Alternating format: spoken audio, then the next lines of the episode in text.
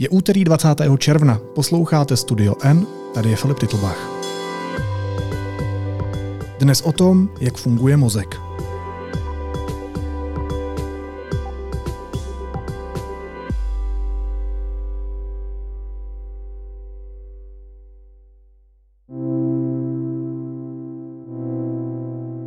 Mozek je nejdokonalejší orgán, který máme. A přestože ho sami používáme k tomu, abychom o něm zjistili co nejvíc, spousta věcí nám zůstává záhadou. Co o něm ještě nevíme?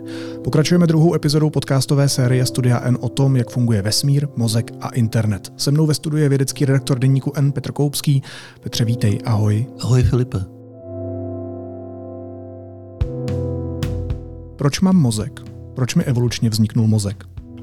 Protože pro tebe a hlavně tedy pro tvé evoluční předchůdce počínaje nějakými hodně jednoduchými červy, to přinášelo výhodu v přežití. Napřed se vytvořila jednoduchá eh, nervová struna táhnoucí se celým tělem, potom v jednotlivých částech těla se začaly zvětšovat uzliny, několik uzlin a potom jedna z těch uzlin, ta vepředu, se začala zvětšovat víc než ty ostatní a takhle vznikl mozek, který dneska má většina živých tvorů. Byla to stejně jako vždycky u evoluce hra přírody na pokus a hmm. omyl, a uh, ti tvorové, u kterých ten mozek se začal rozvíjet, tak uh, měli podle všeho podle toho, že my tady teď jsme se svými mozky, lepší šance na přežití. Byli třeba rychlejší ve zhánění potravy, rychlejší v útěku před predátory a podobně. To všechno bylo důležité.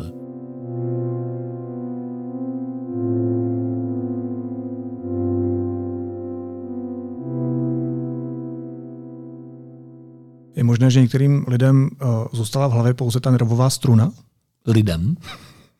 Tak to byl pokus o humor. Tak. Zvenku to tak může kdy vypadat. Albert Einstein eh, říkával, eh, že když někdo může eh, s radostí a požitkem pochodovat v zástupech a při pochodové hudbě, tak nepotřebuje mozek, stačí předloužená mícha.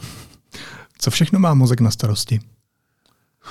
Mozek řídí nervovou soustavu našeho těla a pomocí té nervové soustavy řídí všechny funkce našeho těla. Přenáší informace oběma směry mezi tomu, čemu se říká periférie, to znamená vnější, eh, jak našimi smysly, tak vnitřními orgány, eh, k nějakému centrálnímu zpracování tam je vyhodnocuje a na základě mm-hmm. toho vysílá zase signály dál. Dneska se používá hodně metafora přirovnání k počítači. Pochopitelně, protože počítače máme všude kolem sebe, tak přirovnáváme mozek k počítači. Tak v tomto přirovnání je mozek takovým ústředním řídícím počítačem e, živého organismu. Ale není to přirovnání nutné. Když e, mozek zkoumali v 19. století, tak tuhle metaforu k dispozici neměli a stejně si dovedli jeho činnost docela dobře představit. Ta, ta představa toho ústředí, odkud se něco řídí, je docela asi jasná každému. Tím, čím se lišíme od těch strojů, je vědomí. Co je to vědomí? Eh, vědomí je to zájméno já ve větě já jsem. Živí tvorové ve směs eh, nějakým způsobem mají to jsem, ale nemají to já. Ten eh, pokud to nejsou lidé. Ano. Ten pocit subjektivity, namalování sama sebe na mapu. Všichni živí tvorové pracují s nějakým vnitřním modelem vnějšího světa.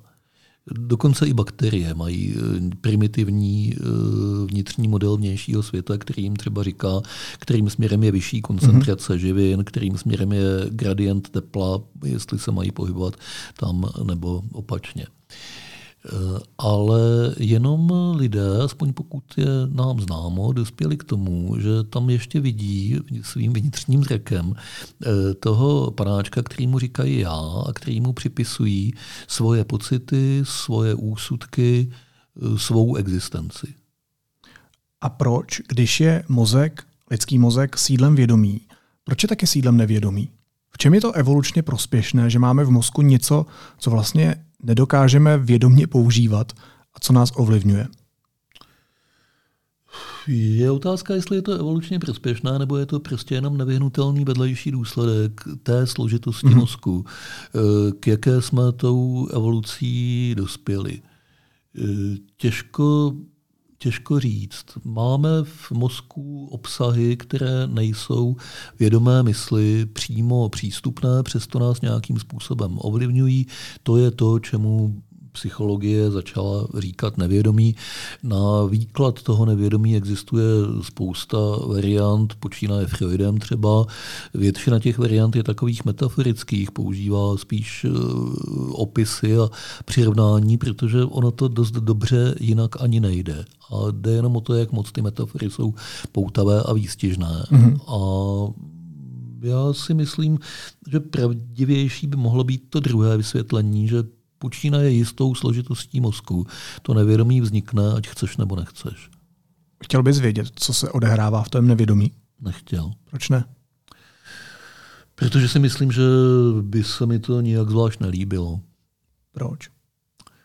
Myslíš, že v nevědomí jsou věci, které nejsou jako optimistické, ale jsou tam jako negativní? Myslím si, že je dobře, že je před námi to nevědomí schováno. že ta evoluce v zásadě ví, co dělá, když před námi některé obsahy naší mysle schová a nepouští nás tam. A pokud... ha, takže to může být výhoda. Ano, máš pravdu, může to být výhoda. Když o tom takhle přemýšlím, tak to může být výhoda. Nebo spíš taková nevyhnutelná obrana, když je ten mozek příliš složitý, mm-hmm. takže je potřeba některé věci před tím uživatelem už schovat a moc ho tam, moc ho tam nepouštět, aby z toho neměl uh, zbytečně špatnou náladu nebo aby z toho nebyl zbytečně mm. zmaten, aby se mu ukazovalo jenom to, co opravdu potřebuje ke, uh, svému, ke svému fungování tak naštěstí mozek vymyslel antidepresiva pro takové případy. Jasně. A naopak jsme zase vymysleli spoustu způsobů, jak se do toho nevědomí nějakým způsobem vlámat. Hmm. Eh, počínaje psychoaktivními látkami a konče hypnózou třeba. A to všechno jsou způsoby, jak ta dvířka pootevřít a někteří lidé jsou samozřejmě ohromně zvědaví, co tam hmm. je. Chápu tu zvědavost. Já nějak teď už nemám. Ty jsi měl, a nevím, jestli donedávna, nebo to tam pořád máš, ale měl si na Twitteru napsáno styl zvědavý After these years? Mm, jo, to jo. Myslím si, že zvědavost se s věkem dost často vytrácí, tak eh, se snažím tímhletím disclaimerem připomenout, že se mi to pořád ještě nestalo. Vytratila se mi spousta věcí s věkem, nejrůznější iluze a tak, ale uh, zvědavý pořád ještě jsem. Pořád ještě bych se chtěl dovědět spoustu věcí, které nevím. Proč myslí mozek v obrazech? Možná nám to jenom tak připadá, že myslí v obrazech. Eh, možná nemusí nutně myslet v obrazech. Možná my vlastně úplně nevíme, jak ty obsahy vědomí popsat a klasifikovat. To je to, co si říkal na začátku, že k popisu mozku máme jenom ten mozek. Ano. A zkoumání mozku a toho, jak funguje a toho, co se v něm odehrává, je tím dost zásadně limitováno. My dobře rozumíme dneska neurověda a uh, kognitivní věda, dost dobře rozumí tomu, jak fungují jednotlivé mozkové buňky, jak uh, jednotlivé oblasti mozku za co odpovídají, aspoň mm-hmm. v hrubých rysech, tohle všechno je zmapováno velice dobře. Ale jak ten stroj na myšlení vlastně funguje, co to jsou, co to jsou představy, co to jsou vzpomínky, co to je paměť, co to je úsudek, co všechno se tam detailně odehrává, jak to popsat, to je pořád ještě dost velká záhada. A proč? Protože nemáme dobrý způsob, jak eh, přeložit to, čemu rozumíme, to znamená ty dvě kilatý eh, roslovitý hmoty, eh, ve, kterých, ve které je 86 miliard neuronů, a my víme, že ty neurony mají nějakou elektrochemickou aktivitu a spínají a rozpínají vysokou rychlostí. Tomuhle rozumíme a potom mm-hmm. rozumíme výsledkům svého myšlení. Jakž takž. A e, to, co je mezi tím, to zatím jsme se nenaučili zkoumat. Nemáme na to nástroje, nemáme způsob, jak přetlumočit ten jeden pozorovaný jev, mm-hmm. to spínání mm-hmm. neuronů, do toho druhého pozorovaného jevu, e, což je to myšlení jako takové. Jakým mechanismem to celé probíhá, to prostě nevíme. Když jsi mluvil o těch dvou kilech rosolovité hmoty, záleží na tom, jak má kdo velký nebo těžký mozek? Ne.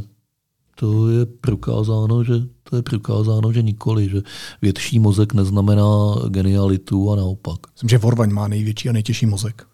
No určitě tak nějaký zvíře podstatně větší než člověk bude mít určitě větší mozek než člověk. A ono nejde jenom o tu váhu, ono jde o to, kolik je tam toho rýhování a jak složitý je, kolik je v něm neuronů. A i v tom nás některá zvířata předstihnou a, a pokud jde o lidi, tak taky velikost mozku není žádnou predikcí toho, jak bude kdo chytrý nebo hloupý. Jak se v mozku vytváří myšlenky? Tušíme to aspoň? Já myslím, že spíš ne.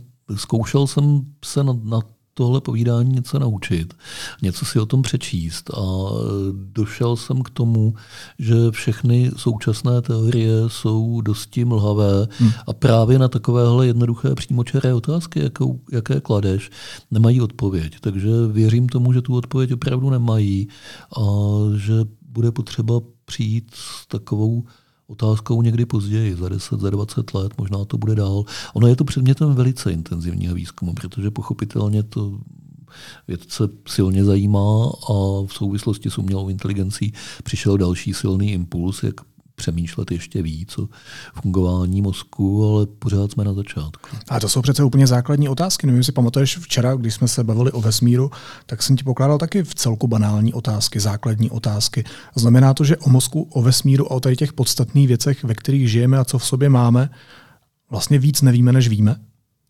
Ne, to neznamená, že nevíme víc, než víme, ale znamená to, že některé otázky, které opravdu jsou ty nejzákladnější, nemáme zodpovězené, jenomže to není divu, protože nejzákladnější jsou ty nejtěžší. Mm-hmm. Věda je velice dobrá v tom, jak zkoumat detaily něčeho a zhromažďuje ty detaily jeden k druhému poměrně pomalu, protože na to má takový ten legrační proces, že pořád všechno ověřuje a spochybňuje a snaží se to vyvrátit a teprve, když se jí to opravdu nepovede vyvrátit přes všechno myslitelné mm-hmm. úsilí, tak to zařadí eh, jako další získaný poznatek. Takže tímhle způsobem postupuje kousíček po kousíčku. A dostat se k těm opravdu zásadním otázkám, jak vznikl vesmír, jak děláme, že myslíme, jak v mozku vzniká myšlenka, jak vznikl na planetě Zemi život, to se taky neví. Ví se, jak se pak vyvíjel. To je velice dobře popsáno, ale on musel někde z neživota života vzniknout život. A na to je několik divokých teorií a žádná z nich není prokazatelná v tuhle chvíli. Náboženství nám dává odpovědi na tyhle otázky. Náboženství, jasně, náboženství je tady mimo jiné proto, že my odpovědi na ty otázky chceme a chceme nějaký myšlenkový systém, který nám ho poskytne. Hmm. A všechna velká náboženství na všechny tyhle otázky spolehlivě odpovídají čímž plní uh, velmi uklidňující funkci, protože žít s tím, že na nic z tohohle neznáme odpověď, není vždycky úplně příjemné, ale věda říká, že nám nic jiného nezbývá, že bychom se měli s tím smířit a měli bychom se naučit žít s touhle hlubokou nevědomostí. Chudák věda. To má velkou nevýhodu přece proti tady těm jednoduchým řešením. Obrovskou. Taky není zdaleka tak populární jako ta jednoduchá řešení.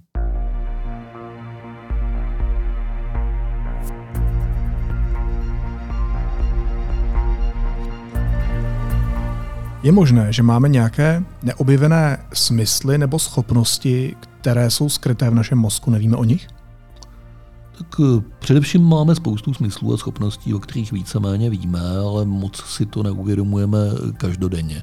Protože když se mluví o smyslech, tak máme na mysli těch, těch pět, pět, eh, co se děti učí vyjmenovat eh, v první třídě. Ale ve skutečnosti jich máme daleko víc. Máme třeba smysl pro rovnováhu, který ti říká, kde je svislence. Velice Aha velice spolehlivě.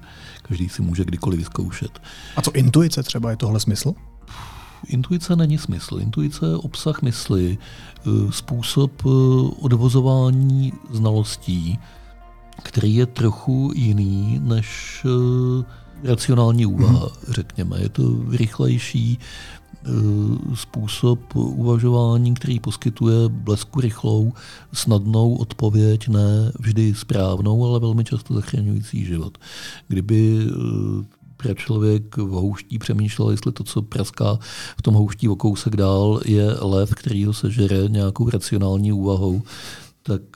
A vyvracet si to vědecky. Nedo, a vyvracel si to vědecky, tak by nedopadl dobře. Daleko lepší bylo vzít nohy na ramena, pro jistotu. Možná to lev hmm, nebyl, hmm, ale pro hmm. jistotu. Jak, jak občas říkávám, všichni jsme potomci těch, co utekli.